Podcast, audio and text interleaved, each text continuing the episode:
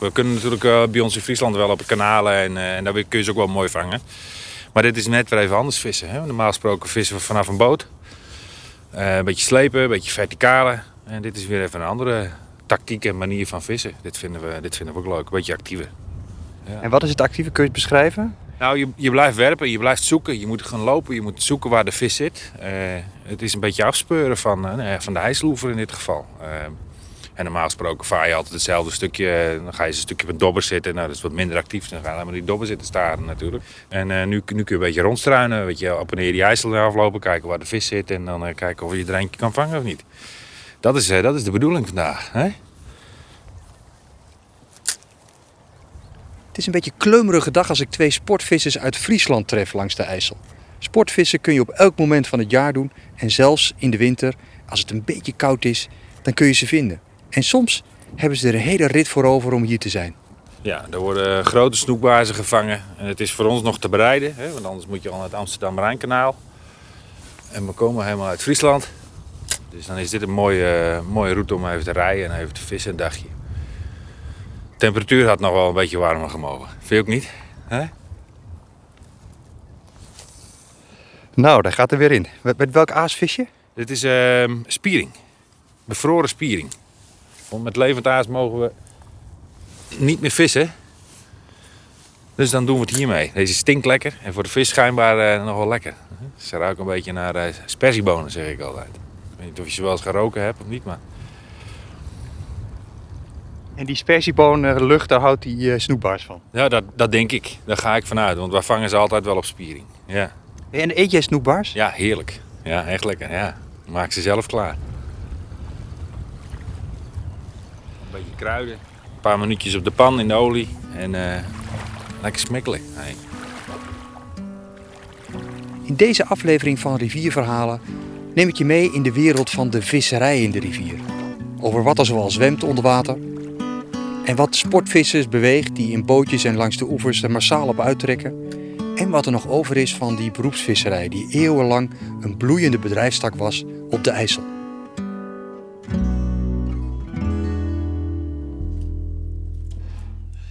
Blokje hout op de kachel. Ja, maar hout moet erop, hè? Nu nog kan. nu het nog kan. Ja, dat is een beetje het thema dan van je leven, hè? nu het nog kan. Als je iets doet uh, in de natuur of met natuur. Ja, het is weer zo langzamerhand wel een thema. Alles wat je in de natuur doet, dat wordt op zich op een verschrikkelijke manier tegengewerkt. Hè? Of je nou uh, vist of jaagt. Die jagers die hebben ze praktisch uh, helemaal op de knieën. En nou zijn ze toch wel met die beroepsvissers bezig om die totaal op de knieën te krijgen. En toen ik uh, begon met de visserij als bedrijf in 75, toen uh, zaten er op het water waar ik met mijn zoon uh, de visrechten hebben, ongeveer 32 beroepsvissers. Dat gehele water bevis ik nu. En nog steeds wordt in het leven gehouden dat dat een ontzettende druk op de visstand geeft. En dat is, uh, ja, dat komt dus over het algemeen van de hengelspot af, uh, deze verhalen. Hè? Dit is Frans Komen, een stoere visserman met een baard. En ik ben op bezoek bij Frans in zijn knusse, monumentale verbouwde boerderijtje, vlak bij de IJssel. En het hangt vol met vergane glorie. Dit is ook een oud net van voor 1900. Ja, deze ook. Netten voor vissen, die vrijwel verdwenen zijn in de rivier die eigendom waren van visserijbedrijfjes langs de rivier, die op hun beurt ook weer verdwenen zijn. Dit is een zalmnet.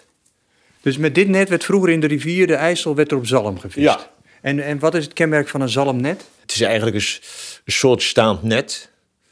En deze is dan van katoen. Er zitten houten drijvers op nog. En het is dus een, eh, een drijfnet waarmee gedreven werd. Ja, gedreven in de zin van, daar werden de vissen ingejaagd. Liet je, nee, dan liet je drijven met de stroom mee. S'nachts. Dit is dan zo'n uh, zalmnet.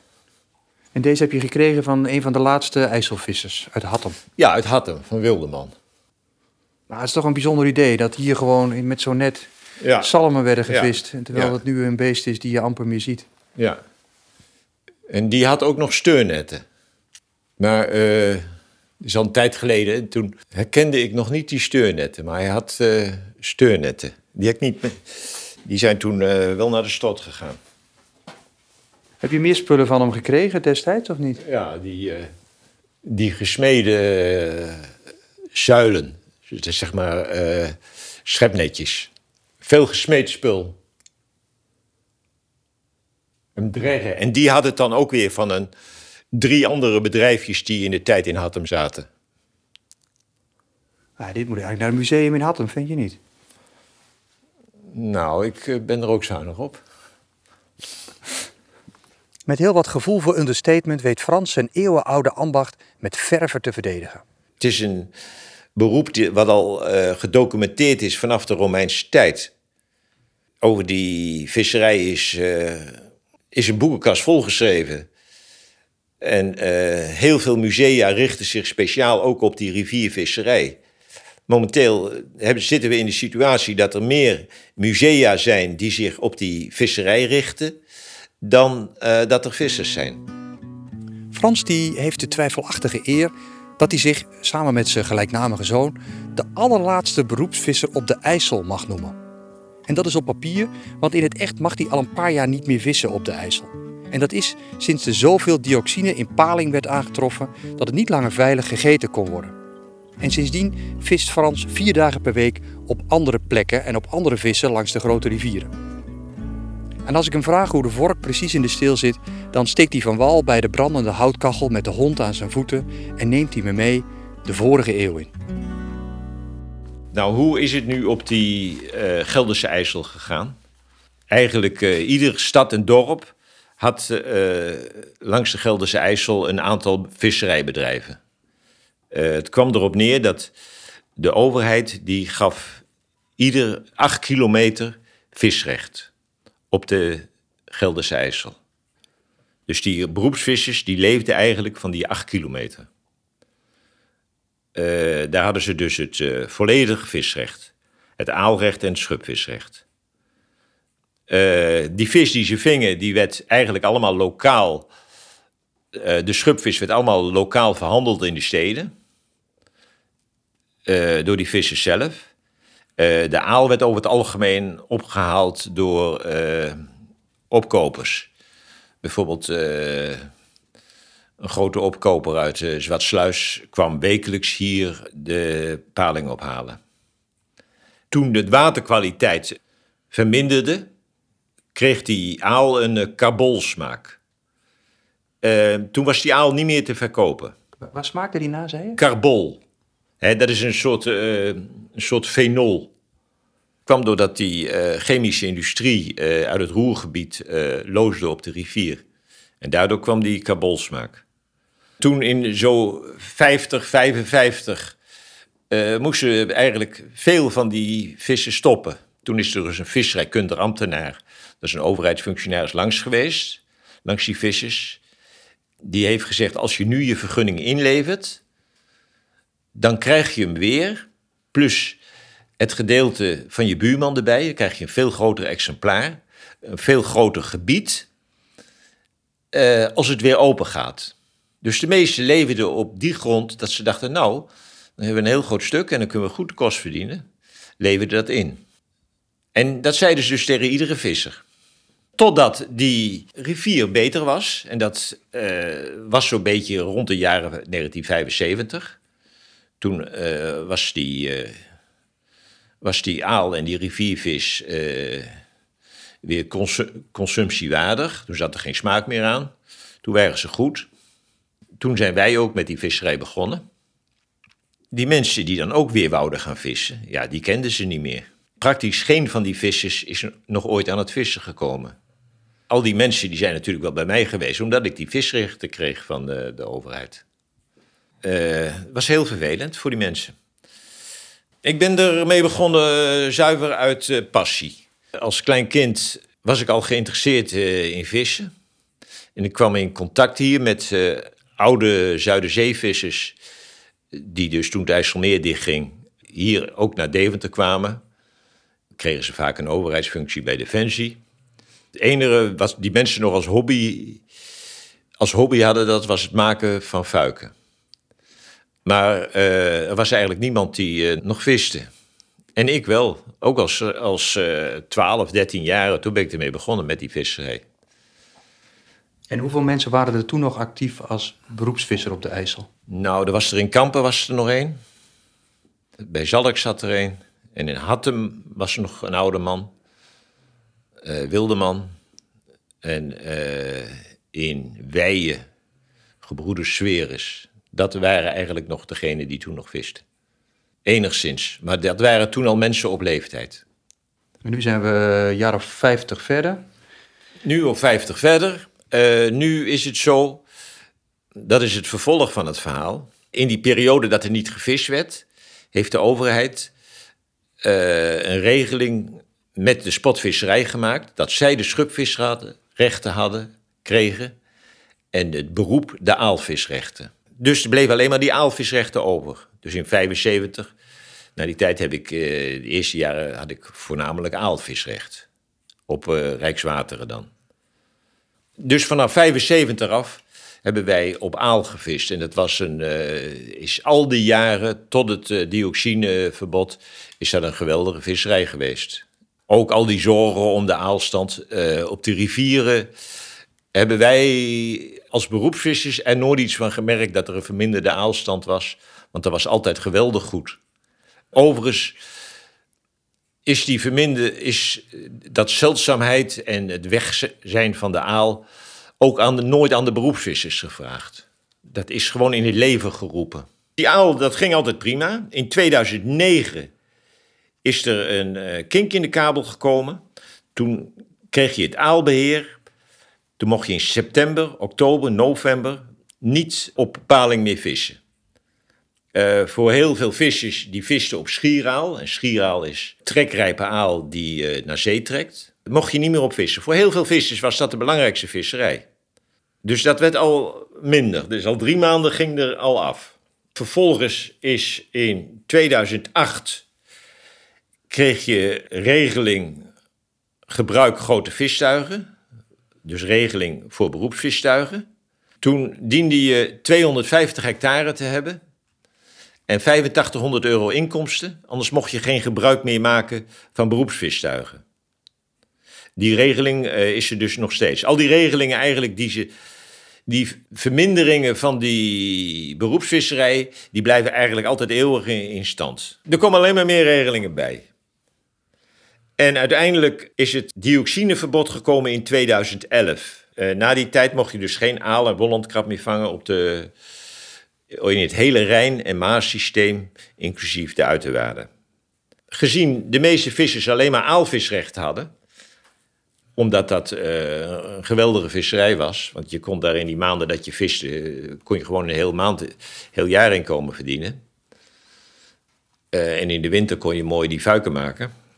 Zijn er verschrikkelijk veel, zijn bijna alle visserijbedrijven eraf gegaan. In het Rijnsysteem zijn nu nog maar drie bedrijven fulltime actief. En de bedrijven die actief zijn, dat waren de bedrijven die buiten die aalrechten ook schubvisrechten hadden.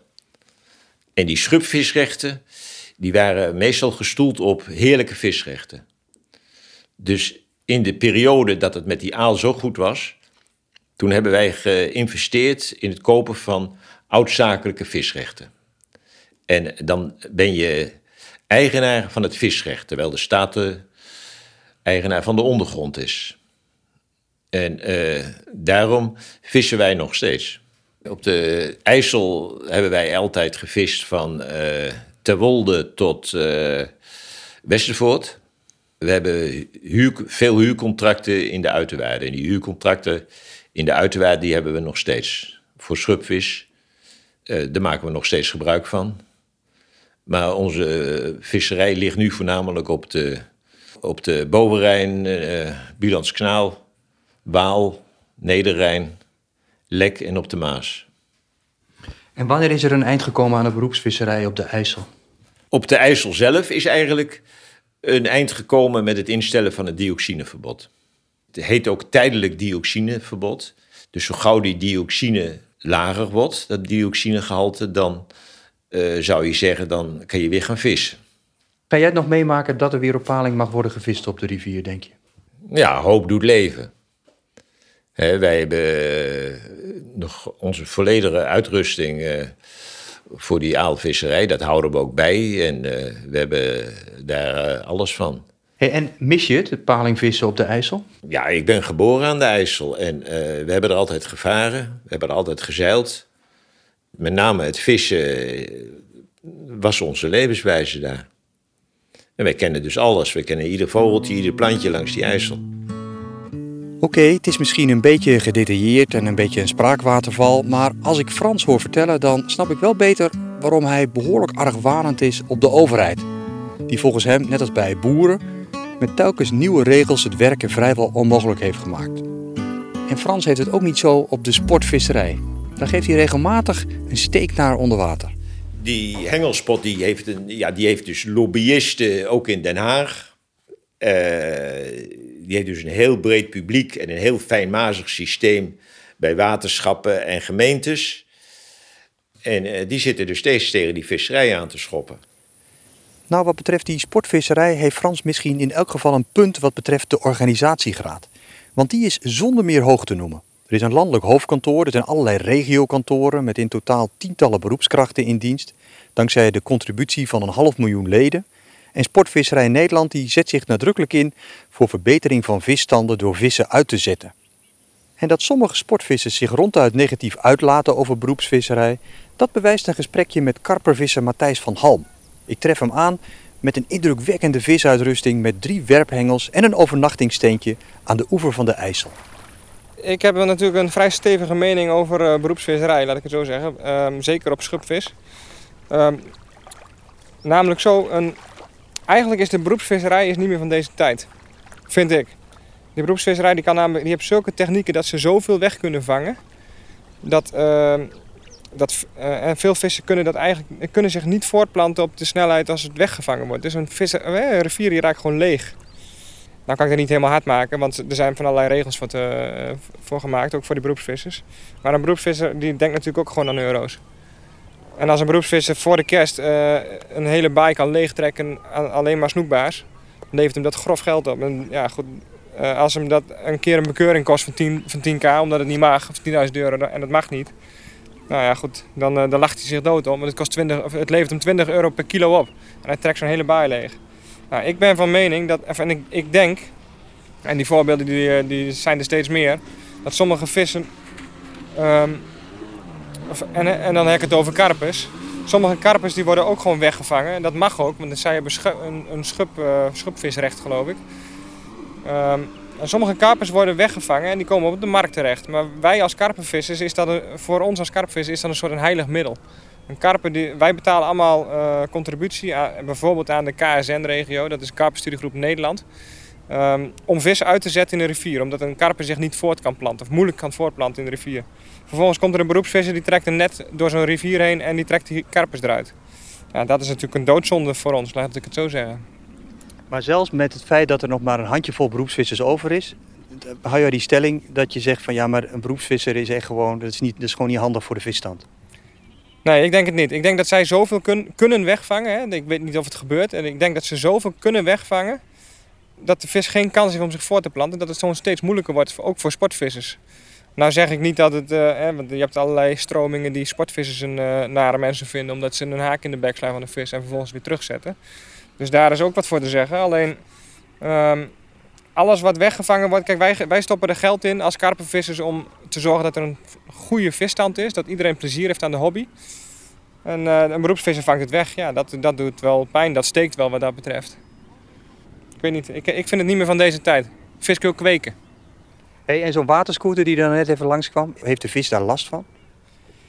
Nee, ik denk dat die vissen uh, in zo'n rivier dat die dat zo gewend zijn met scheepvaart, met uh, jetskis, met wat dan ook. Ik denk dat het uh, geen enkel probleem is. En het kan ook maar zo zijn dat heel veel vissen, juist door die nevengeulen, dat die gewoon lekker een beetje in, de, in die nevengeulen rondhangen.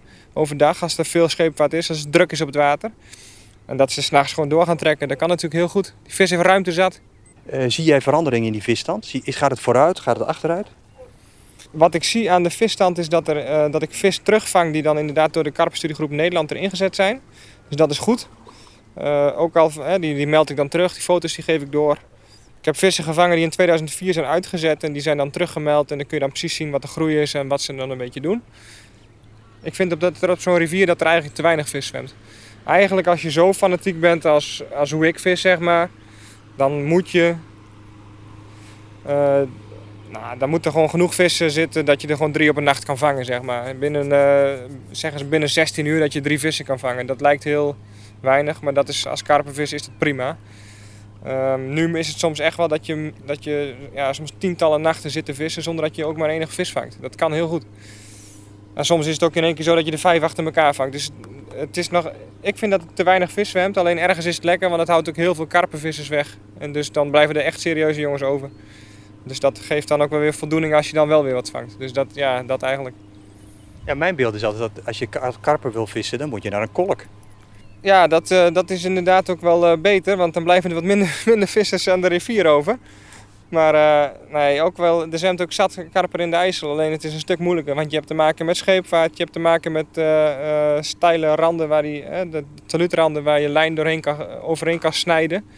Dus je moet je ehm, materiaal behoorlijk aanpassen.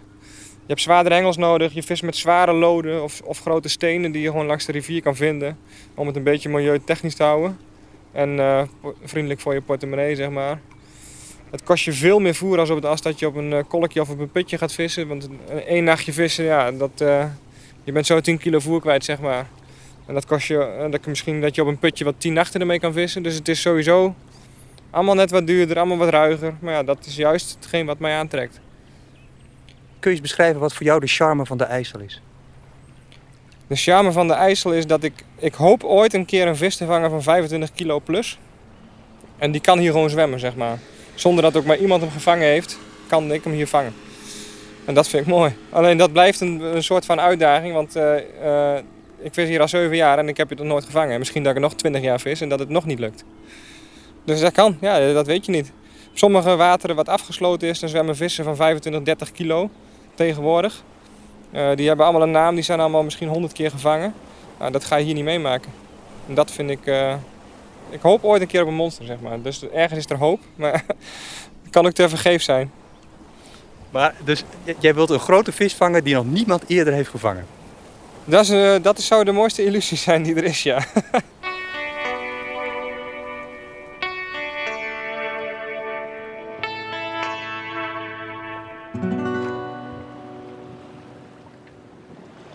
is een beetje een onstuimige, winderige zaterdagochtend als ik een bezoekje breng aan een toernooi voor jeugdige vissers langs de IJssel in de buurt van Deventer.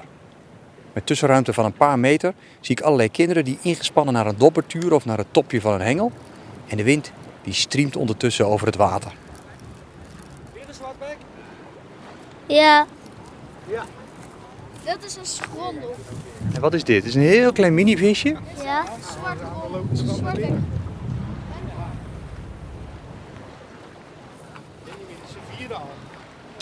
Dat die bijten joh op zo'n klein... eh, Nou, dan wil ik hem ook eens even zien. Dit is, echt, dit is dus een grondel. Ja, hij heeft een zwarte stip, zoals ik vertelde.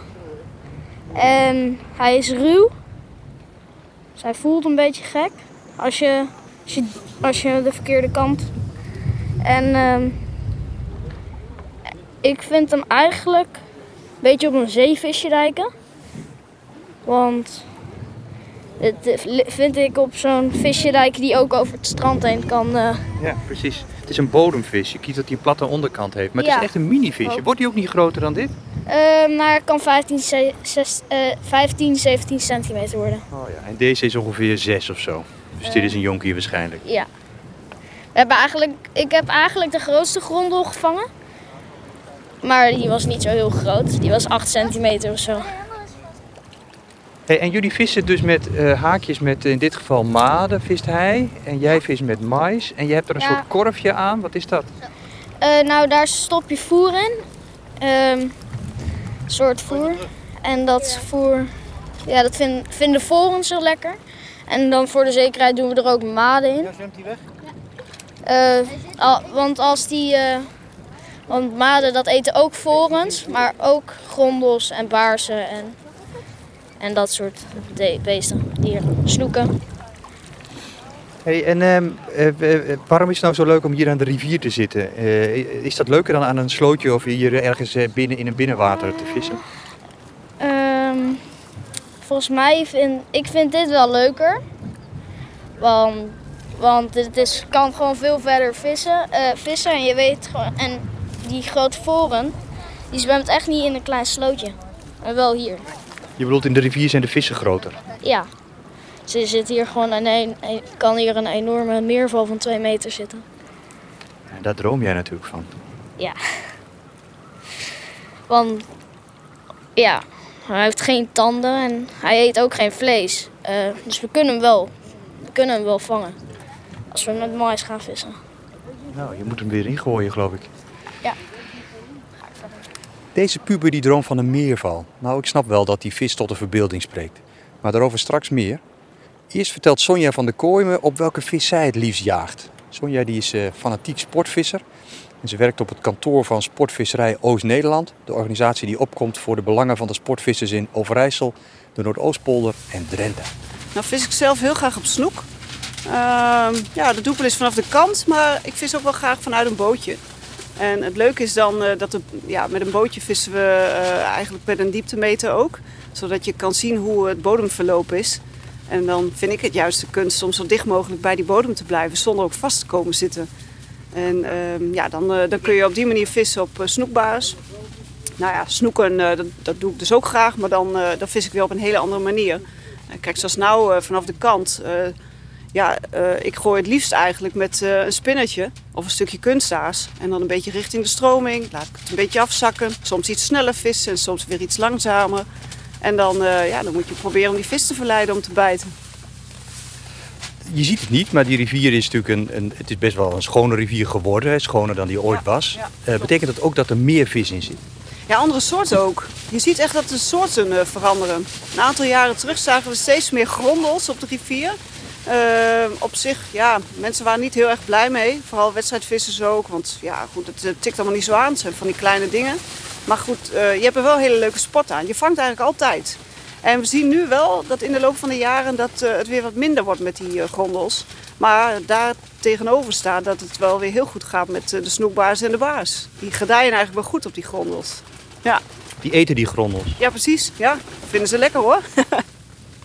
En dan hebben we eh, de echte riviervis, dat is de barbeel. Hoe staat het daarmee? Ja, de barbeel, ja, dat is ook echt in opkomst. Het was eh, van oorsprong eh, eigenlijk meer een bonusvis. Als mensen hier wedstrijden visten, dan, nou ja, dan ging er wel eens een keer een barbeel tussendoor. Ja, de barbeel is heel kwetsbaar.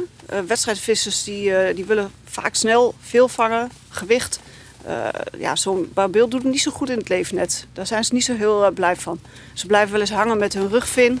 Dus we hebben uiteindelijk ook eh, ja, toch ingesteld dat als je vist op die vis en je wil een barbeel in het leefnet bewaren, dat je dan je leefnet beter kan aanpassen.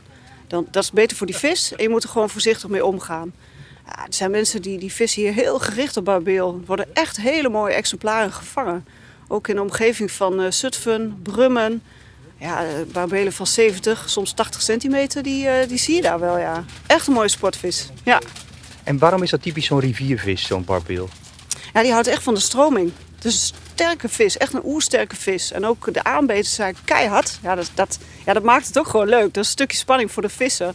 En eh, ja, een beetje geknabbel aan je hengel. Ja, nou ja, dat is ook wel grappig. Maar als je echt zo'n beuk op je hengel krijgt... en, eh, en, je, en je voelt eigenlijk aan het binnendraaien van, van de hengel... wat voor soort vis het al is...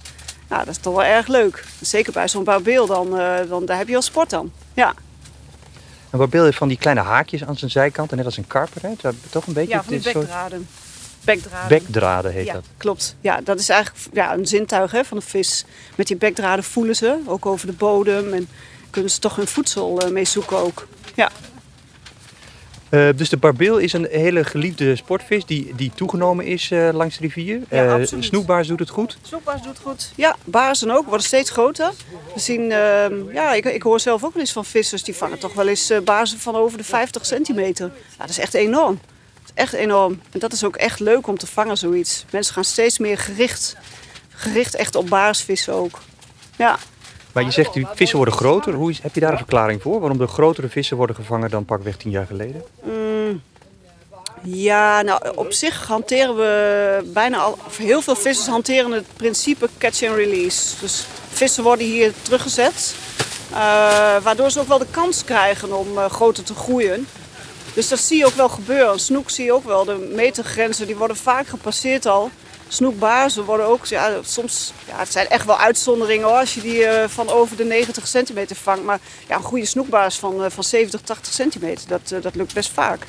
En ehm, ja, ik denk dat dat wel zo is, dat met het terugzetten dat je ook toch die jaarklassers wel houdt. En dat ze daardoor ook wel groter worden hier. Maar het terugzetten, dat doen dan de Nederlandse vissers. Maar buitenlandse vissers die ook aan de rivier vissen, die hebben de naam dat ze juist die vis meenemen. Ja, dat klopt. Die uh, hebben een andere cultuur en uh, dat, die nemen graag vis mee. Maar goed, zij zijn vaak ook goed op de hoogte van de regels. En uh, het lijkt soms ook van, ja, er zitten heel veel buitenlandse vissers met veel hengels, nemen alles mee. Nou, volgens de regels mag je ook gewoon vis meenemen. Dus het is, de soep wordt niet zo heet gegeten als hoe die wordt opgediend hoor. Valt vaak nog wel mee. En een uitzondering hou je wel. Maar dat heb je in Nederland ook. Gewoon mensen uit Nederland. Ja, er zitten ook stropers tussen. Over het algemeen uh, ja, merken wij ook wel dat, dat die buitenlandse vissers eigenlijk de papieren goed voor elkaar hebben. En uh, ja, zij vinden het lekker om ze bijvoorbeeld mee te nemen. Nou, ja, ik niet. en maar het beeld van ze vissen onze rivier leeg, dat is een beeld waar jij je echt tegen verzet. Dat klopt gewoon niet. Ik denk niet dat je een rivier leeg kan vissen. Nee, ik geloof wel dat afgesloten wateren, waar vis wordt uitgezet, ja, dat uh, is wel mogelijk om daar ja, als je daar de juiste vissen eruit haalt, dan, dan zal het ook wel snel leeg zijn. Maar een rivier, ja, dat is zo'n groot systeem. Geloof ik niet zo in hoor. Nee. Langs de winderige IJssel denk ik nu terug aan de eerdere uitspraken van karpervisser Matthijs en aan de oude Joodse wijsheid van koning Salomo, die ergens schreef: Alle rivieren stromen naar zee en toch raakt de zee niet vol. Hier klinkt er eigenlijk een variant op. Alle vissers vissen in de IJssel en toch raakt de IJssel niet leeg. Dat is ook de ervaring van beroepsvisser Frans. Als ik hem in zijn huisje vraag hoe hij de huidige visstand in de rivier taxeert. Het is ongekend dat er nog zoveel leven in die rivier zit. Dat is ongekend. Maar het wordt wel eenzijdig. Ik zie bijvoorbeeld Brasem eh, nog wel. De Brazemstand is wel goed op die rivieren. De Voren doet het ook goed. Buis doet het ook goed. Eigenlijk. Uh, zijn die visstanden op de rivieren zoals de IJssel en de Waal en de Nederrijn en de Lek onveranderd gebleven. In 75 was die visstand ook goed en nu is die nog steeds goed. Is die niet verbeterd? Want je zou nee, zeggen, de, de, de, de, rivier is schoner geworden. Ja, dat willen ze graag horen, dat die visstand verbeterd is. Maar de biomassa, dus de hoeveelheid vis, is wel hetzelfde gebleven. Uh, maar de soortenrijkdom is uh, sinds 75 uh, eh, wel afgenomen. Afgenomen? Afgenomen, ja. Ja, die is wel afgenomen. Terwijl het plaatje is dat juist de soortenrijkdom weer is toegenomen. Dus we zien weer, ja, ja, we zien ja, meer en meerval, we zien de zalm weer een beetje terugkomen. Ja, ja, dat is het plaatje. En dan heb ik het over de natuurlijke soortenrijkdom. He, dan heb ik het even niet over de exoten die door het Rijn-Donaukanaal gekomen zijn. Dat zijn die grondels, vele soorten grondels. En eigenlijk ook de meerval. Die is eigenlijk pas opgekomen nadat het Rijn-Donaukanaal uh, geopend is. Is de meerval geen inheemse vis? Ja, is uh, wel uiteindelijk een inheemse vis. Voor het Rijn-Donaukanaal zaten ze bijvoorbeeld in, het, uh, in de ringvaart van de Haarlemmermeer. Op een paar plassen werden er zo nu en dan een paar gevangen maar wat in de rivieren zit, is zuiver door het uh, Rijn-Donaukanaal gekomen. Die dus uit de Donau kwamen. Er zijn er heel veel grondels gekomen. Echt uh, in ontzettende dichtheden. Hè, met name de zwartbekgrondel. En die vreten graag kuit. Dat is ook niet positief. Aan de andere kant, die zwartbekgrondels worden wel weer volop gebradeerd door snoekbaars. En snoekbaars is een nestbeschermer, dus die legt kuit en uh, die blijven bij dat nest waken. En daarom denk ik dat die snoekbaarsstand zo goed is. En het voordeel ervan is dat in het verleden ging een, groot, een heel groot gedeelte van de snoekbaars dood als uh, een koude periode in het najaar. En dan hadden ze geen voedsel genoeg. Maar omdat die zwartbekgondel zich meerdere malen per jaar reproduceert, ze hebben het over een viermaal, is er altijd kleine vis, speltaas. Zodoende is een veel groter gedeelte van de snoekbaars, van de jonge snoekbaars, die kan overleven. En anders gingen ze aan de hongerdood. Ja, en die soorten waar altijd van gedroomd wordt, de zeeforel en de zalm. Wat ziet u dan gebeuren? Voor een jaar of vier geleden vingen we, daar bij Maurik, vingen we nog uh, twaalf zalmen. Allemaal prachtige gezonde, nog één van 1,25 erbij. Maar dat jaar daarvoor vingen we er nog twee, die waren ziek. Dit jaar vingen we er nog één, die was ook ziek, een zalm. En we vingen één uh, die nog uh, gezond was. En al die jaren daarvoor vingen we regelmatig daar zalm. Dus dat uh, gaat niet goed met die zalm. Ja, terwijl er heel veel jonge zalmpjes zijn uitgezet in die rivieren om ervoor ja. te zorgen dat dat weer ja. een nieuwe populatie oplevert. Duitsland is er heel actief mee. Ook met de hengelspot wordt dus verteld dat het uh, dat die beroepsvisserij in Nederland een sta in de weg is. Uh, ondertussen vis ik met staande netten volop op de rivier. En uh, in mijn hele werkzame leven heb ik eenmaal een zalm in een staand net gevangen. En mijn collega's, idem dito. Alleen bij Stellendam, daar wordt onderzoek naar zalm gedaan. Daar vangen ze er af en toe een met grote hokvuiken. En eh, die wordt ook weer teruggezet. Voorheen bracht die zalm natuurlijk geld op. Heel veel geld. Als je dan als visser een paar zalmen per jaar ving, dan kon je de winter door. Maar ondertussen door die kweekzalm die inkoop zo'n beetje een euro of negen de kilo kost, brengt die rivierzalm, die zijn eigenlijk niet, niet verkoopbaar. Daarnaast hebben ze een beschermde status. Ja, daar viel hij weer, de meerval. Dat is de vis die het bloed van heel veel sportvissers sneller laat stromen. Omdat er reusachtige joekels van worden gevangen van wel 2 tot, je hou je vast, 3 meter. Het is een echte cultvis, zegt Sonja van de Kooi van Sportvisserij Oost-Nederland. Ja, er mag sinds een aantal jaren gericht op worden gevist. Uh, dat, dat doen mensen ook. Uh, dat is een, een ja, toch wel een hele wereld op zich met meervalvissers. Die weten elkaar uh, goed te vinden. Mm, ik vis er zelf niet op. En ja, er wordt ook niet. Er wordt wel veel geshowd met foto's, maar echt veel informatie wordt er niet gedeeld. En dat begrijp ik ook heel goed, want het is een, een vooral een investering in tijd. En ook wel in materiaal hoor, om echt goed te kunnen vissen op meerval. Dus dat geef je ook niet zomaar prijs. Dat, dat is uren en uren. En ja, veel mensen trekken er ook echt s'nachts op uit. Om, want het is toch eigenlijk ook wel een, een vis die s'nachts erg actief wordt. Alhoewel, je kan ze overdag ook wel goed vangen hoor. Maar het is wel echt meer iets wat ja, in de nacht, dan, dan vang je ze nog beter. Ja, het is echt upcoming. En het, het, het spreekt ook enorm tot de verbeelding. Want de, de, vissen die hier gevangen worden, al ook op de IJssel, die zijn soms al over de twee meter. Dus als je zoiets vangt, ja, ik kan me heel goed voorstellen dat je daar bijna nachtmerries van krijgt. Ja, dat is gewoon echt, echt een oervis. Dat is het, denk ik. Een oervis waar mensen echt naar op jacht gaan. Ja. Is niet zo dat je alleen maar heel duur materiaal moet hebben en, uh, en precies moet weten waar uh, ze zitten. Maar met, uh, nou ja, met een goede uitleg van een, van een winkelier die, die jou het juiste materiaal verkoopt, dan, ja, dan, dan, kun je het wel, wel vangen. Dan is het wel te doen. En we horen het ook wel meer dat het als bijvangst, dat zo'n vis als bijvangst gevangen wordt. Maar dat is eigenlijk toch, ja, dan is het ook een beetje geluk denk ik als je hem binnenhaalt. Want vaak zit je met heel licht materiaal te vissen. En uh, ik denk dat ik vaker hoor dat de, de lijn ineens knapt als dat iemand zegt van ja, ik heb ook een grote meerval gevangen.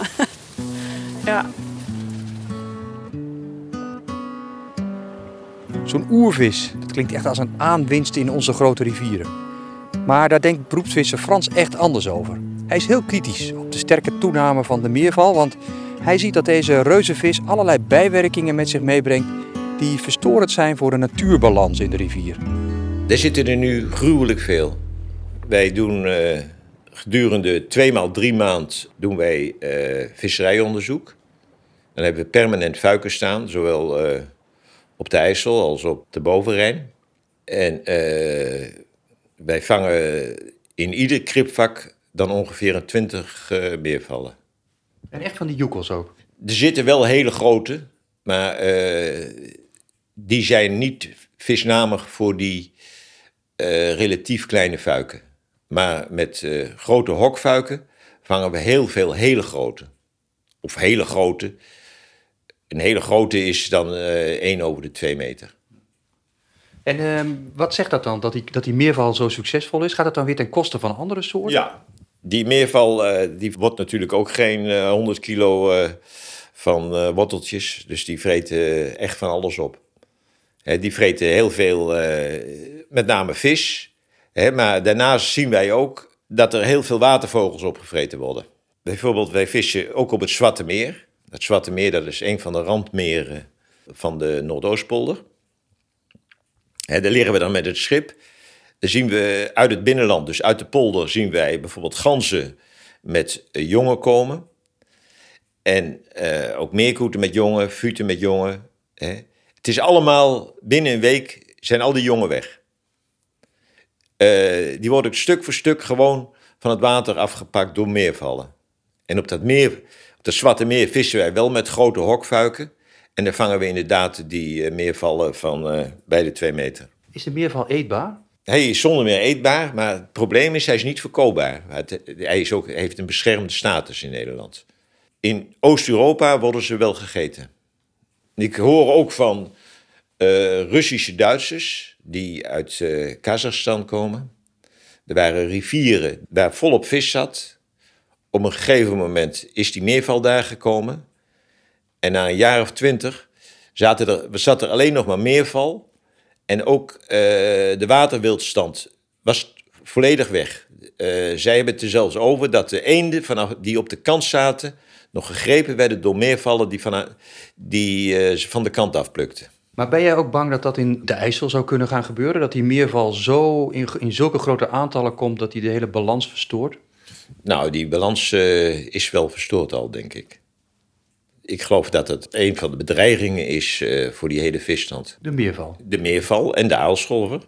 Nog even de, de samenvatting van die meerval, want die vind ik wel interessant.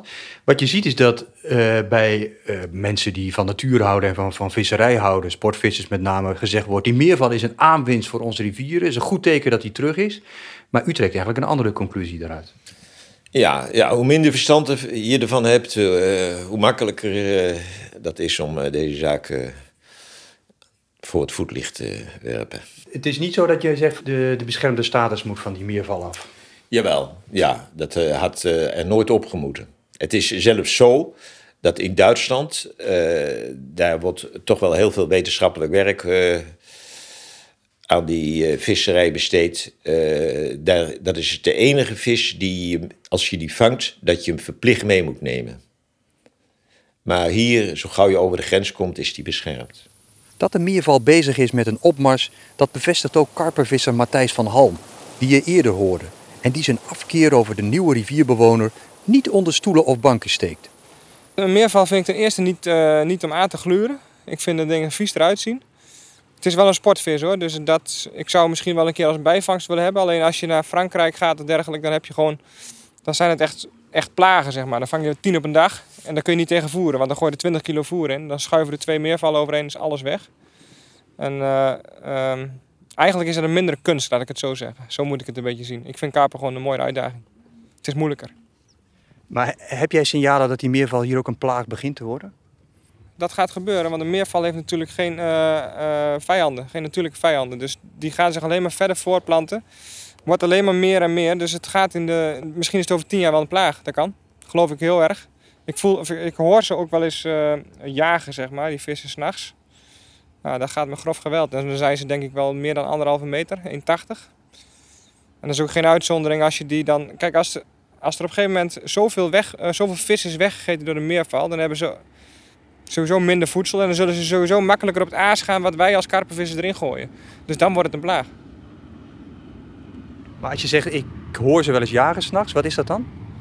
Dan zitten ze gewoon op vis te jagen, want ze vreten natuurlijk gewoon vis. Ja, zolang er genoeg vis in zit, zul je er geen last van krijgen. Alleen eh, eh, omdat een meerval dus geen vijanden heeft, zal het uiteindelijk gewoon, zullen ze gewoon heel veel vis opvreten. En ja, zal er dus weinig overblijven, waardoor ze dus ander voedsel gaan zoeken. Het is eigenlijk heel logisch. Dat gaat gebeuren, want dat is in Frankrijk gebeurd en dat gebeurt in heel veel landen al. Omdat ze zich veilig wanen en ze worden heel oud geloof ik. En ze zijn mega groot en ze vreten heel veel. Ik zoek contact met de onafhankelijke instantie die de visstand in ons land registreert, RAVON. En daar erkennen wetenschappelijke onderzoekers dat de meerval inderdaad flink toeneemt in de rivieren als gevolg van klimaatverandering en licht stijgende temperaturen van het rivierwater. Maar tegelijk wordt erbij gezegd dat het landelijk gezien een vrij zeldzame vis blijft die bescherming verdient. Dus elke gevangen meerval moet vooralsnog worden teruggezet. Maar ik denk wel dat meerval uiteindelijk sportvis nummer 1 wordt in Nederland. Maar dat kan zeg maar zijn over vijf jaar, maar dat kan ook pas over twintig jaar zijn. Het ligt een beetje aan de opmars van het beest. Want ik denk wel als je hem aan je hengel krijgt dat het wel echt een uh, gevecht is, zeg maar. Dus voor sportvis is het hartstikke leuk. Hij is 210. 2 meter 9? Nee, die bovenste staat nog. Oh ja. 210. 2 meter 10? Ja. 2 meter 10, jongens! 2 meter 10! Doe eens normaal! Ik heb je net gevangen, jongen! Oké, okay, hoe werkt het? Oké, okay, ik zal het je laten zien. Kom maar, nee, jongens, dit is wel geen, leuk om te uh, geen baars. Dus we weten wat om... Uh... Okay. Nou, op sociale media zie je steeds vaker filmpjes verschijnen van sportvissers op rivieren die kanjes van meervallen aan de haak slaan. Het is opnieuw een bewijs dat de besnorde visduivel, want zo is zijn bijnaam, al aardig is ingeburgerd. Maar dat doet er niet aan af dat elke vangst van zo'n grootgebekte nieuwkomer in onze rivieren als een sensationeel moment wordt beleefd door de vissers. Oké, okay. hier, kom maar vanaf deze kant even meekijken. Kijk van de meerval, dit is de onderkaak. Hierachter zit een vlies. Dan kan je je vingers achter stoppen. Gewoon zo van boven naar... Uh... Ja, je kan het zien. Mijn vingers zitten hierachter. Ja. Dan zitten die vingers veilig. In principe kan je dan zonder handschoen pakken. Ja, dit gaat niet Alleen die bovenkaak, dit, dat voel je wel in je knokkels. Oké. Okay. Als 2 meter 10 doe, is normaal. Zo, achter voel je dat? Ja. Oh ja, hier, oh ja. En dan heb je hem steek. 2 meter 10 aan meerval. What the fuck? In Nederland, gast. Hoe dan? Wat een monster. 2 meter 10, jongen. Hoe zwaar zou die vis zijn? Uh, minimaal 60 kilo. In deze aflevering van Rivierverhalen over de IJssel nam ik je mee in de wereld van visserij op de rivier. De beroepsvisserij lijkt op zijn laatste benen te lopen en voor de hobbyvisserij blijft de IJssel een Eldorado van zwemmend leven met kieuwen. Ik hoop dat je genoten hebt en dat je er iets van hebt opgestoken. Ik ga op weg naar nieuwe rivierverhalen en als jij je abonneert dan krijg je vanzelf een seintje als er een kakelverse aflevering is.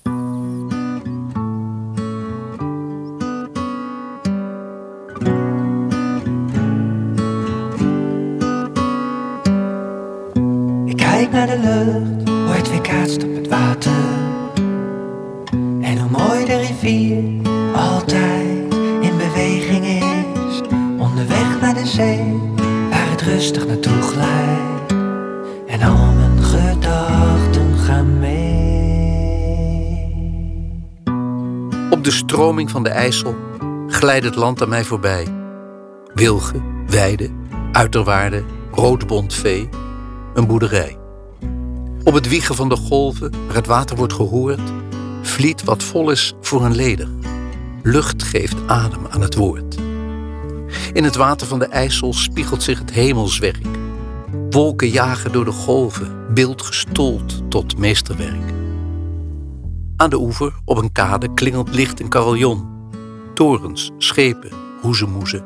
Stad die glinstert in de zon. Altijd gaan en altijd komen. Veren, bruggen, verre dromen. Is daar aan de overkant nog een ander, groener land? Waar ik ook maar heb gezworven, altijd trok ze mij naar hier, naar haar boezem. Voedstermoeder, ik ben een kind van die rivier. Ik kijk naar de rivier, hoe ze zacht van me afdrijft. Onderweg met de wind, op reis naar de horizon. Weg van de stad, waar de rust werd te zoeken is. En ik kijk naar mezelf en ik wou dat ik net zoals het water schepen kon dragen, ze weg kon laten varen met de wind. Dat ik net zoals het water de golven kon maken, dat ik nooit meer zou verdwalen in de mist.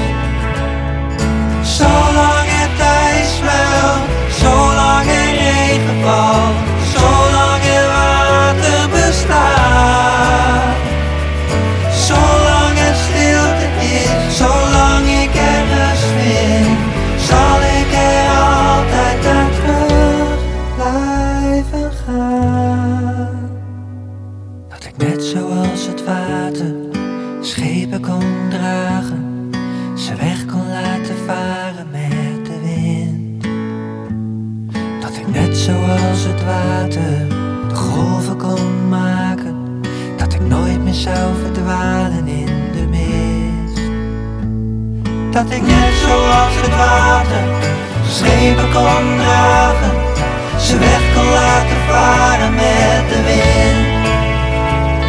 Dat ik net zoals het water de golven kon maken, dat ik nooit meer zou verdwalen in de wind. Nooit meer zou verdwalen in de wind.